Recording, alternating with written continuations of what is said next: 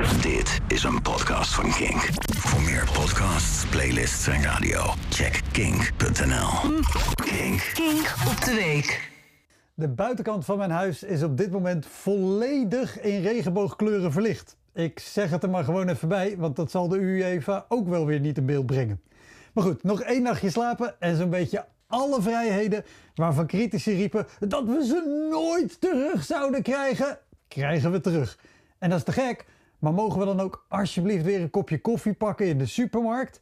Als ik mijn weg naar de kassa moet banen door vakkenvullende pubers wiens puisten bijna openbarsten, heb ik gewoon cafeïne nodig.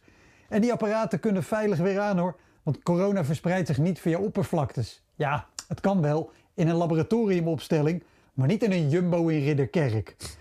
En dan weet ik ook wel, hè, die automaten zijn als een waterbron op de savanne. Ze fungeren als drinkplaats, maar dan voor bejaarden. Maar die zijn al lang ingeënt, dus gun die hun koffie. Hè, plak je cake erbij, kunnen ze vast wennen.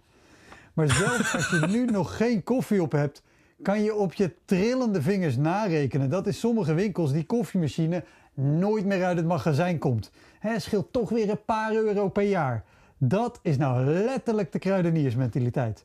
Want ik ben bang dat heel veel supermarkteigenaren hebben, even hebben nagerekend wat het nou scheelt een jaar geen koffie weggeven. En hoeveel het ook is, het valt in het niet. Bij de 3 miljard euro extra omzet die supermarkten vorig jaar hebben gedraaid. Van die 3 miljard is trouwens geen cent extra naar koffieboeren gegaan. Maar de baas van het moederbedrijf van Albert Heijn verdiende wel 6 miljoen. Gelukkig werkte hij niet voor een Duitse supermarktketen, want dan was dat een heel verdacht bedrag. De families trouwens die eigenaar zijn van Aldi en Lidl, die zagen hun vermogen met een derde groeien. Wauw, ik zag mijn familie ook met een derde groeien, maar niet financieel. Maar met het wegvallen van allerlei maatregelen gaan we ongetwijfeld ook weer meer op kantoor werken. En dus ook weer gore kantoorkoffie zuipen. Want Nederlandse werkgevers zijn geen haar beter dan supermarktbazen. Zo'n automaat mag liefst zo min mogelijk kosten, want mensen komen hier om te werken, koffie drinken, dat doen ze maar thuis. Je hoort het zo slecht zittend pak gewoon zeggen.